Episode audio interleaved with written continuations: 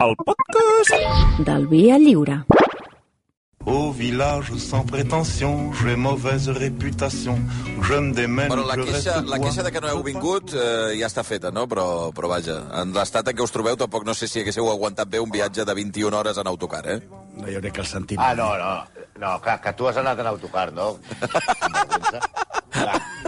Però, però Xavi, no, t'he de dir una cosa, eh? T'he de dir una cosa. Però, però, espera un moment, Malcom, Malcom, no? A veure, aquest, aquest sinvergüenza ens està dient 21 hores en autocar, 21, però si tu has anat en primera, en primera classe i, has anat, i tinc les fotos teves No. anant en, en, en tren de, de Schiphol a, a, a Eindhoven-sur-Mer, la Venècia del nord, la Florència d'Europa, del, del nord. O sigui, no em fotis, home. Bueno, bueno, vale, vale. Aquí amb, amb limusina i... No, que dit limusina, tens limusina. la millor habitació Sí, No. tens la millor habitació de l'hotel... L'hotel està molt bé, hem de dir-ho. Vistes a Eindhoven. Vistes a, a, a bueno, Eindhoven, evidentment, però també a l'estadi. Va, què hem de fer avui? No. A veure, Xavi, tinc, saps que ara mateix sóc a la teva cadira. Hombre, ja hi som. Sóc al teu lloc. Vale, I vale. crec, crec que és el moment d'anunciar una cosa. Crec que t'hem d'agrair tots aquests anys eh, al capdavant d'aquest programa. Eh? Crec que ja és el moment de fer alguns canvis. Hem decidit canviar els presentadors. Aquest programa diu? es dirà Via Execrable. I a partir d'ara canviaran algunes coses. Els tertulians seran tots condemnats per corrupció i alguns petits canvis que farem. Però aquí comença el nou Via Execrable. Que no se'ls pot deixar sols, aquesta gent, de veritat. Eh? És terrible. No, no, i això que jo no he pogut participar en el cop d'estat perquè Sí, sí, ja ho veig. estic molt medicat. O sigui, és molt gros, eh? Un, el, el, el que no sap vocalitzar i el, i el lisiat fer un cop d'estat. Va, va, va. Veig que... Mira, tu, tu ja, ja, ja no pots tornar. Tu, que... Mira, si t'agrada tant Eindhoven, ¿te gusta Sí. Eindhoven? Pues te gustaba. Te Pues te quedas en Eindhoven. Vinga, va, què hem de fer avui? Va, a veure, nosaltres hem, han passat les eleccions i bàsicament tot segueix igual. Les eleccions, una, una altra jornada històrica, tothom intentant pactar amb qui deien que no pactarien, tot molt bonic, tot molt bonic, tot fantàstic, però nosaltres ja no farem més alcaldes, que si ens hi posem, hi ha alcaldes fins al dia del judici final. Però no deixarem la política. I sí que tractem el tema del mes. El tema del mes ha estat el racisme, perquè avui tallarem amb diamants a un filàntrop, pels de l'ESO. Un filàntrop és un ric que renta la seva consciència amb diners. Ser la foto d'Amancio Ortega i Zara, ¿vale? Va crear beques per a estudiants, que va ajudar a crear la Universitat de Ciutat del Cap, que tenia, que tenia estatus a Sud-àfrica i segueix tenint una a, a l'Oxford College, un home que va ampliar l'imperi britànic, un visionari dels negocis que va crear la companyia de diamants més important del món. Ara que esteu a Holanda, això dels diamants porta't uns quants. Però Sí, sí. també va donar nom a dos països. Però sobretot era un racista, un supremacista, un home maquiavèlic, manipulador i un genocida. Avui, en solitari, el Malcolm des de la planta 15 de rac i jo des de la planta 2 del carrer Florida Blanca, li traiem els honors a Cecil John Rhodes.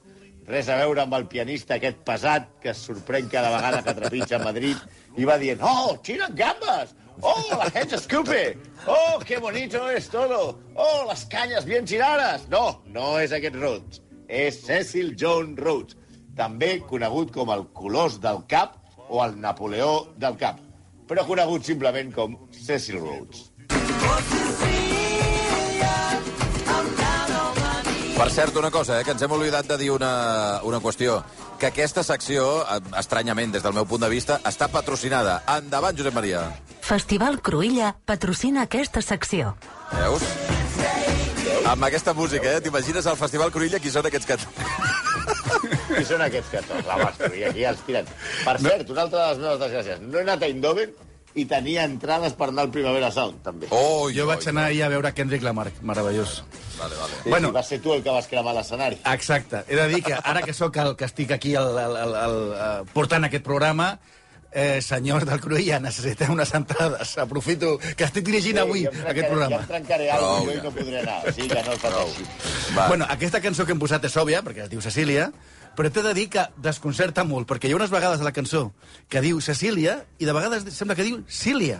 I, i, i, i, i la vaig posar com sis vegades i Cília o Cecília. Jo crec que dubtaven. Jo suposo que això era culpa de Garfunkel, que ara té nom de, de, de marca de tele, i jo, sé, jo crec que es van liar aquests dos. És Telefunken, és Telefunken. Sí, per això, el Garfunkel Telefunken. Bé, Cecil va néixer a Anglaterra.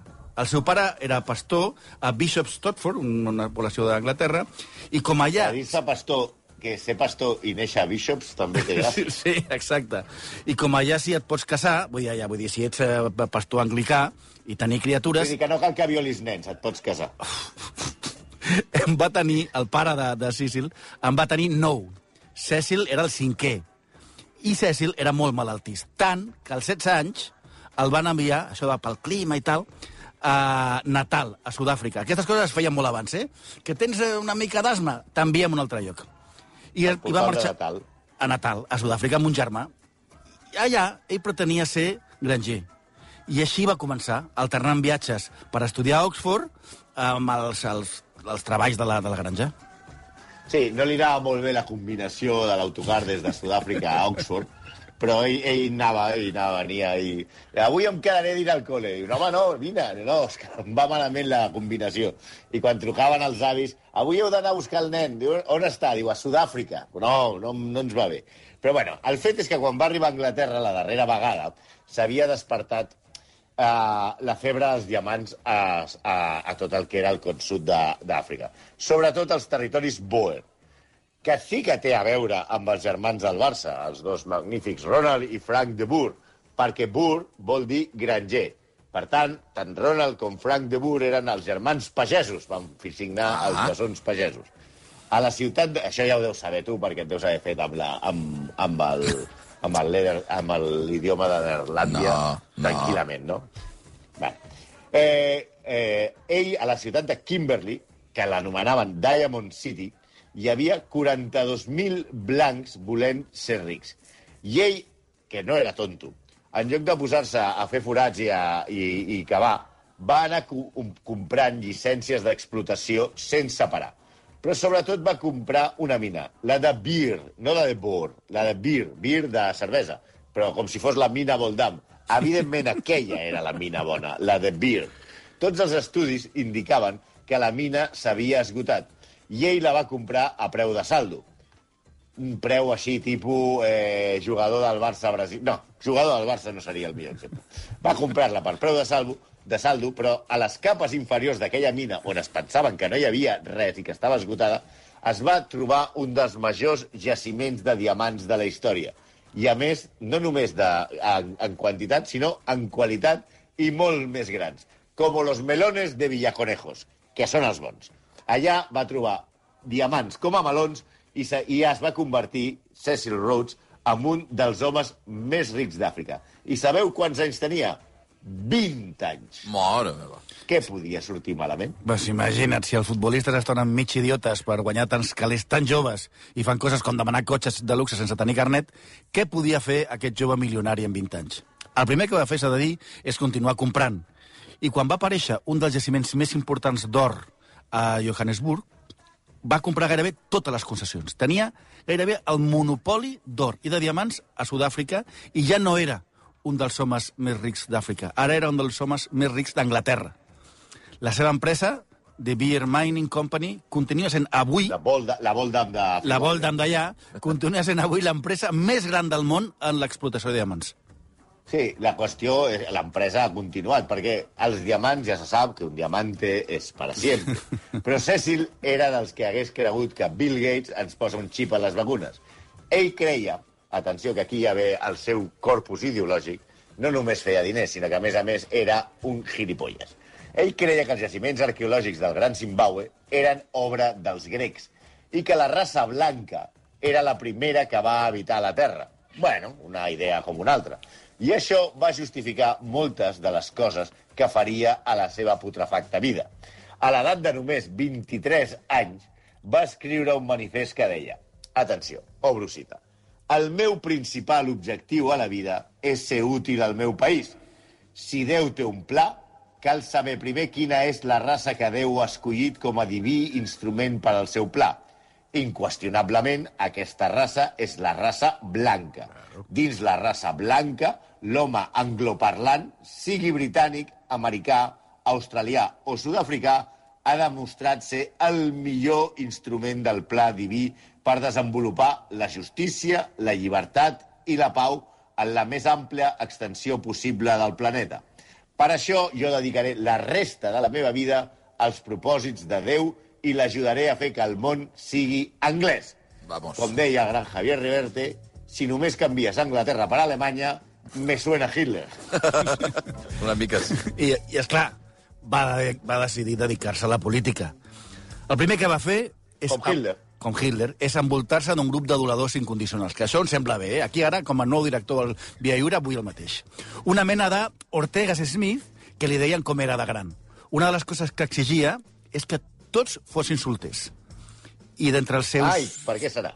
per què serà. I dintre, i dintre dels, dels seus eh, sequassos destacava Leander Star Jameson, res a veure amb el whisky, que va ser el seu amant.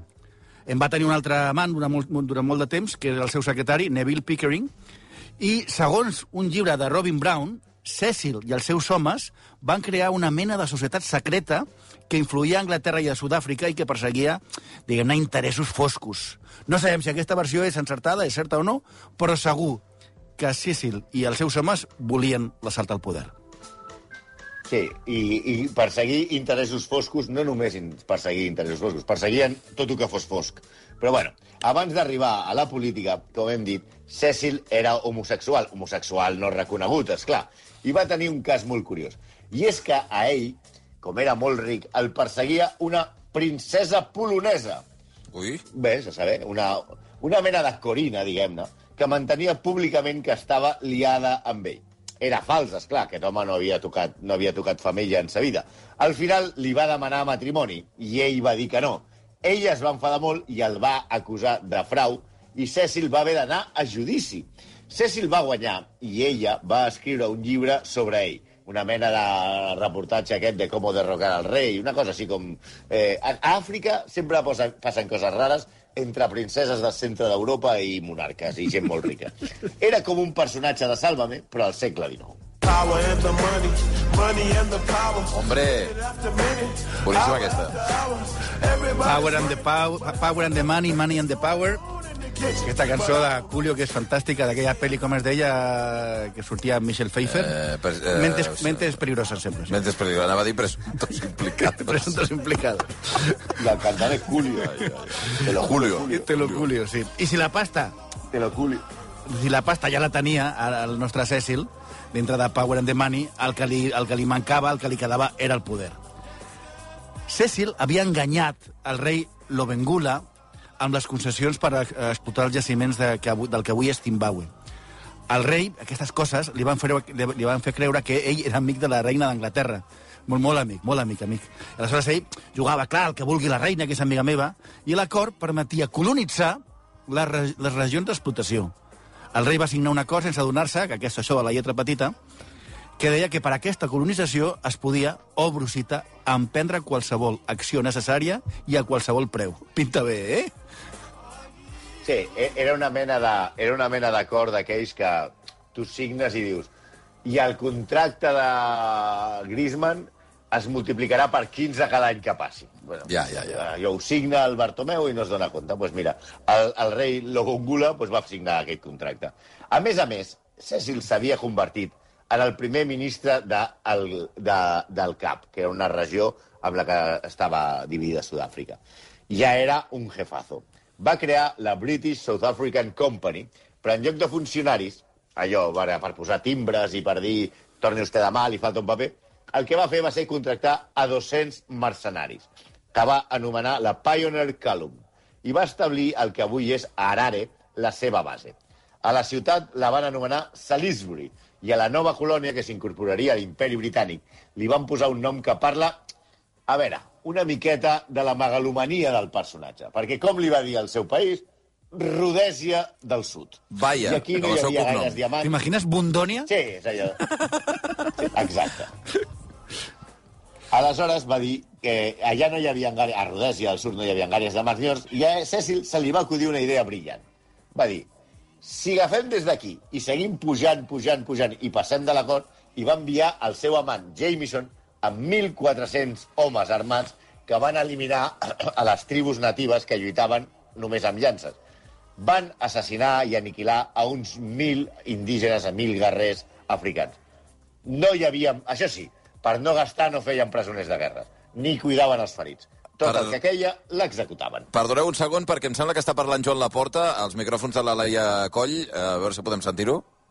Sí, Joan Laporta, que el president del Barça el tenim just aquí. President, bon dia. Menys de 5 hores per, per la final. Hi ha molts aficionats ara mateix aquí, li estan demanant fotos. President, menys de 5 hores per la final. Com van els nervis i quines sensacions té? Les sensacions són bones, a més a més que, que hem vingut aquí a, a guanyar la final. A treure's l'espina de l'any passat a Turí, eh? Bueno, a guanyar la final. L'any passat vam arribar, vam participar, jo crec que vam fer una gran final eh, i no va poder ser, però aquest any eh, ha de ser, ha de ser que el Barça guanyi perquè tenim unes jugadores amb molt talent i a més a més que estan molt mentalitzades de guanyar i, i això ho hem comprovat durant tots aquests eh, dies i, i m'ho diu la gent que les envolta i la veritat és que estem molt, molt confiats de que guanyarem la final. Hem vingut a guanyar. Les jugadores i també l'afició, el Barça està sent el motor d'aquesta revolució entre 8 i 10.000 aficionats culers seran avui aquí a Eindhoven per donar suport a l'equip. Sí, sí, l'afició sempre respon, els culers sempre responen i, i el que és cert és, mira, aquí al, al, a l'hotel de concentració tot el dia ple de culers, això jo ara acabo de baixar amb una de les jugadores que hem coincidit a l'ascensor i estan com molt emocionades de veure eh, que l'afició respon no? i que estan, doncs, se senten estimades i això sempre és bo per agafar força i motivació. Presidente, le hago un par en castellano. Sensaciones que tiene usted Bé, doncs hem sentit el president eh, Laporta amb les sensacions d'aquesta final. Gràcies a la Laia Coll volíem sentir, evidentment, la- la- l'aparició de Joan Laporta, el president del Barça. Digues. Declaracions brutals. Sí, sí, una notícia importantíssima, eh? Bueno, ja molt tenim exclusiva, ja, eh? Tenim exclusiva. Home, exclusiva, sí, és l'entrevista. Eh, hem vingut a guanyar. Sí, sí, estem molt bé. contents. Sí, sí. Eh, 11 contra 11, Escolta, esteu, 90 acostuma, minuts. esteu acostumats a que vosaltres no us talla mai ningú? O sigui que ara no us queixeu, eh? No, no, ha estat molt bé, ha estat molt bé. Mentre Digueu-li al Toni García Ramon, això. Sí, ha estat molt bé. Mentre el Santi deia, i van matar mil guerrers, i van executar Van a tots els ferits. mil I ara comencem, fer ara genocidi. amb la porta Doncs perquè diguin que està molt content. I afegirem, i afegirem una Estic cosa. molt content, la gent Com del que Barça està molt bé, sí, sí. Com que, ja, com que ja són les 11 i 7 minuts, eh, Santi i Malcolm, sapigueu que ja hi ha gent aquí acompanyant-nos. Podeu fer una mica de soroll, sisplau, que us sentit des de casa? Veus? Molt bé. Ara una mica de... Compte, compte amb el que dieu que hi ha criatures, que ho sàpigues. Vale. Estan aplaudint, estan aplaudint un genocidi. La mort, un genocidi, el de Rodècia, sí. Bueno, segueixo. Gent Aleshores, sense cor, sense ànima, sí, sí. el, el Sense Cecil... ànima, perquè, a més a més, van matar molts holandesos. De, recordeu que aquí... Hi ha algun holandès a la història- sala? No, veus? No. Ja està. No, No, passa però, res. però digueu-li que el Rodes era un fill de puta, perquè va matar Bueno, molts bueno. Bueno, el, el, el, el, el Cecil, com deia, va, va veure que això funcionava i va dir, bueno, aquest sistema funciona, anem a per més. I va crear Rhodèsia del Nord, es va quedar en Malawi, Oh, es va quedar en Zàmbia i bastant més. Mig Àfrica, eh? literalment. La conferència de Berlín va impedir que seguís cap al nord i també va troncar el seu gran projecte, bueno, diguem-ne el seu somni, que era unir Cape Town amb el Caire. Cecil volia un corredor que travessés Àfrica i a dintre una línia de tren que garantís el control del continent per als anglesos. No podia ser. Adif va dir que la catenària que anava del Caire a la ciutat no del Cap tirava. no aguantaria i al final no es va fer perquè els trens, la R14, Rodalies mai arriba a l'hora, ja sabeu. Però encara li quedava... Es deia Rodalies amb RH, eh? Rodalies. Amb, la, amb el seu cognom, Road Elias. Road Elias. Però encara li quedava, s'ha de dir, que a, a Cecil Rhodes encara li quedava un altre somni. Sí, Sud-àfrica no estava unida. Estem parlant de Sud-àfrica, que diguem-ne és més gran que Eindhoven. I una mica, Una sí. mica, sí, sí. Una mica, sí. Sí, una mica. I entre Ciutat del Cap i les Rodèsies, les dues Rodèsies, estaven els dos estats Boers. Boers, els dels holandesos. Ja que esteu a Holanda, a partir d'ara, tota la gent que ens està escoltant des d'aquesta preciosa localitat d'Eindhoven, eh, que per favor, eh, poseu-vos poseu de part dels Boers. Per què? que hi havia, els Boers s'havien instal·lat allà després de la pressió anglesa al sud. I van crear dos estats, l'estat d'Orange i l'estat del Transvaal. En aquests hi havia també molts colons anglesos. De fet, eren majoria els anglesos davant dels Boers, però no tenien gaires drets. I Cecil atenció, va pensar, si faig una incursió militar amb el, amb el, amb el meu amant i els seus 1.400 assassins i animo els anglesos a rebentar-se, Orange i Transvaal, que Transvaal sembla també una marca de roba de muntanya, però no, era, era un estat, seran nostres. I, su, I a qui li va encarregar? Doncs a l'empitonador de confiança, a Jameson, que no té res a veure amb el whisky. De fet, es diu que de Jameson Wright, la incursió Jameson, és molt famosa i va ser molt cruel. Però no famosa per un èxit com el desembarcament de Normandia. bueno, potser sí, si veiem el desembarcament de Normandia des del, des del bàndol dels alemanys. Sí. Jameson, res a veure amb el whisky, estava impacient per entrar en acció. Estava impacient i els altres li deien, espera, espera, que no és el moment. Però Jameson era el governador de Matabelelandia i tenia uns 600 homes, la majoria, uns 400 i pico, eren de la policia muntada de Matabelelandia, aquesta, Matabelelandia. Sí. Tenia rifles, sis ametralladores... El Santi t'ha deixat el nom a tu, eh, aquest? No, li- no, jo me l'he posat a mi mateix perquè sóc imbècil. D'acord, d'acord. Te- Tenia rifles, sis metralladores, sis unitats d'artilleria lleugera, però no van poder esperar i ho va fer cap a final d'any. Aviam, anglesos. Cap d'any. Sí, sí. Whisky. Perill. Res podia, no podia anar malament. Va morir 17 persones i més de 50 ferits. Els Boer no van tenir, només van tenir 4 pèrdues. I, en el pitjor, I el pitjor de tot, eh, això que és, és increïble, ni un sol anglès es va revoltar. O sigui, va ser un fracàs No, total. els anglesos estaven, evidentment, de juerga de, de cap d'any. De fet, els 450 soldats de, de la companyia Jameson, no la del whisky, eh, eh, de la policia muntada, crec que només 50 van aconseguir pujar al cavall, perquè els altres ja anaven tan tajats que no van poder ni entrar i quan van anar a fer l'atac va ser un desastre. Jameson, res a veure amb el whisky, repeteixo, va acabar a la presó. Però sempre ha estat considerat un heroi per la premsa anglesa i amb el temps va ser el primer ministre del CAP, estat origen de Sud-àfrica. Anys més tard, els anglesos van iniciar una guerra terrible amb els Boers. Recordeu, esteu a Holanda, aneu amb els Boers, per aquests territoris. Però el fracàs de la Jameson Raid va ser encara més gran. En debilitar-se les forces muntades, que anaven borratxos, els Matabelelele, es van rebel·lar i van començar una guerra que va acabar amb la mort de centenars d'anglesos. Sí, això va acabar amb la vida política de, de Cecil, que va dimitir com a primer ministre. El seu germà va anar a la presó i ja semblava que era un Pablo Casado, eh? diguem-ne, vida, vida política morta. Però va començar la segona guerra dels Boer, en part per, per, per, per, la, per aquestes revoltes que ells van intentar provo- provocar, i aquí encara hi tindria algun paper. Es va proposar ajudar a la guerra? Com allò, jo vull ser important. I, sobretot, a Kimberley, Diamond City, que era on ell va començar. Va oferir, va oferir subministraments, va oferir aigua, va oferir eh, fusta, però, sobretot, va fabricar una arma que amb aquesta modèstia que el caracteritzava es va dir de Long Cecil. Teniu mania en posar les coses amb el seu nom, Tot eh? el seu nom. Rodècia, Long Cecil... Endavant. Però el paper principal, la veritat, va ser molestar. Sobretot el coronel, al comandament de la- de de l'operació de la guerra, que es deia- es deia Robert Kekevich. Cecil maniobrava a Londres, donava ordres als soldats, contràries a les de Kekevich. Les cròniques diuen, diuen que això és molt graciós, que Anglaterra va guanyar la guerra malgrat Cecil Rhodes. Per tant, la van perdre els Boers. Recordeu, esteu a Holanda. Però encara tindria una batalla més. Els Endeavors, ja sense el rei Lobengula, a qui va traicionar Cecil, aquell senyor que li va dir sí, jo sóc molt amic de la reina, tu tranquil, tenien 50.000 homes i es van rebel·lar contra els anglesos. 50.000 són molts, eh? En una guerra difícil, però Cecil va fer servir una vella tàctica que sempre el, el, els hi anava bé als anglesos eh, calar foc a tots els pobles endebles, la, la, el que es diu la tàctica de guerra de terra cremada, i cremar les seves collites. Va empresonar les dones i els nens i va matar a tots els guerrets capturats.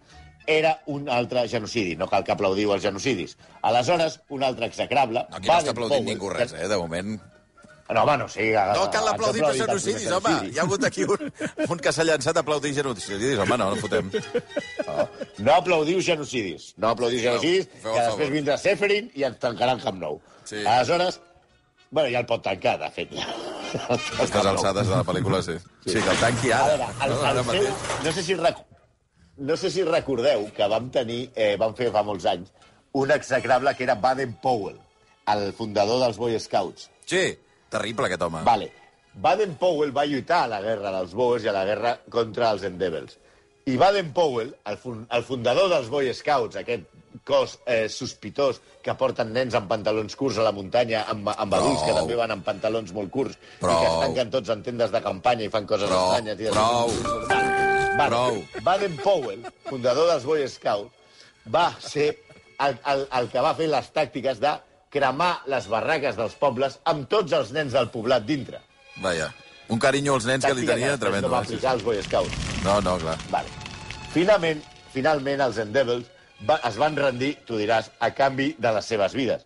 Però una vegada que van lliurar les armes, Rhodes, amb un exercici de gran generositat, va ordenar matar a tots els caps de les tribus. A man who was imprisoned, tortured, and killed in a jail in South Africa. This is for Stephen Biko.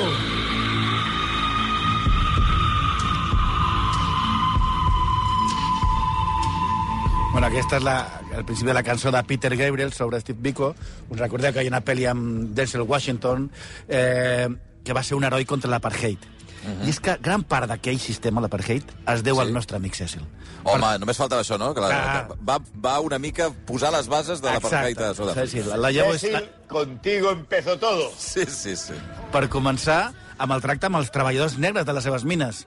Morien centenars a la setmana i eren reemplaçats. Poc menjar, salaris, per dir alguna cosa, ínfims i condicions extremes. Molt semblant a l'esclavatge, que ja estava prohibit. No se sap quanta gent va morir, però es calcula que són molts milers de persones.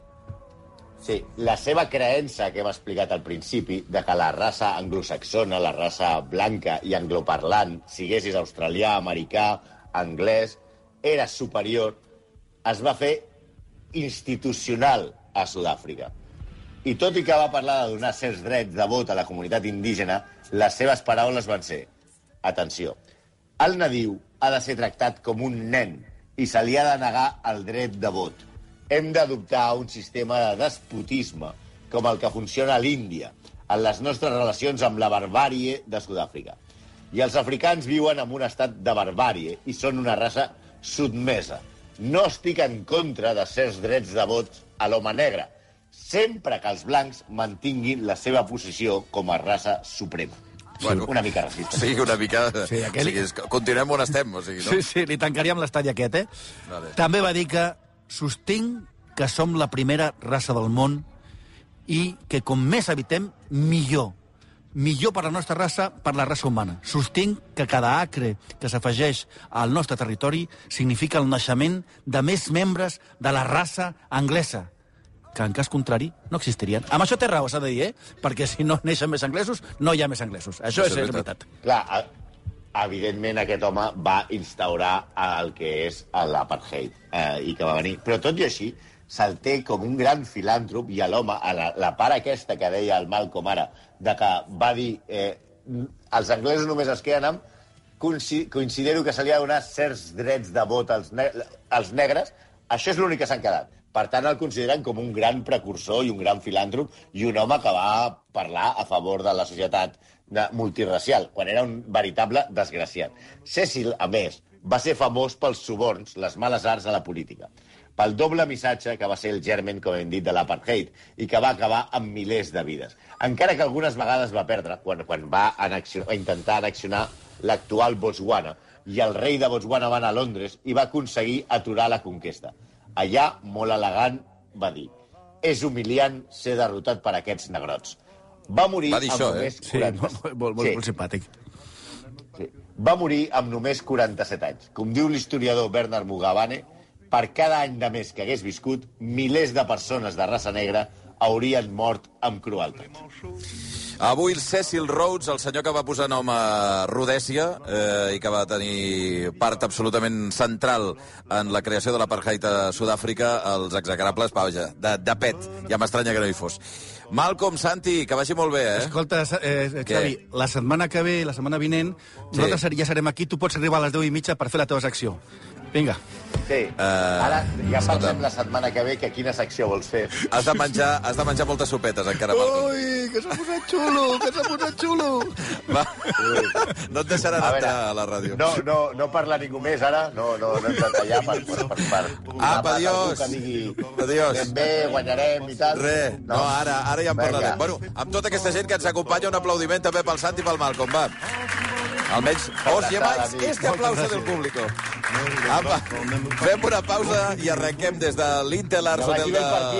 de... Xavi, Què? Que vagi bé el partit. Bueno, què vols dir? Que ja saps que no d'allò, Que no? vagi bé, que animis i que, que disfrutis el partit. Sí, estaré dalt d'un avió, però bueno, en fin. Aquesta ja és una altra cosa que comentarem un altre dia, les, els funcionaments interns. Bueno, va, que vagi bé. Adéu. Le monde médit de moi, sauf les muets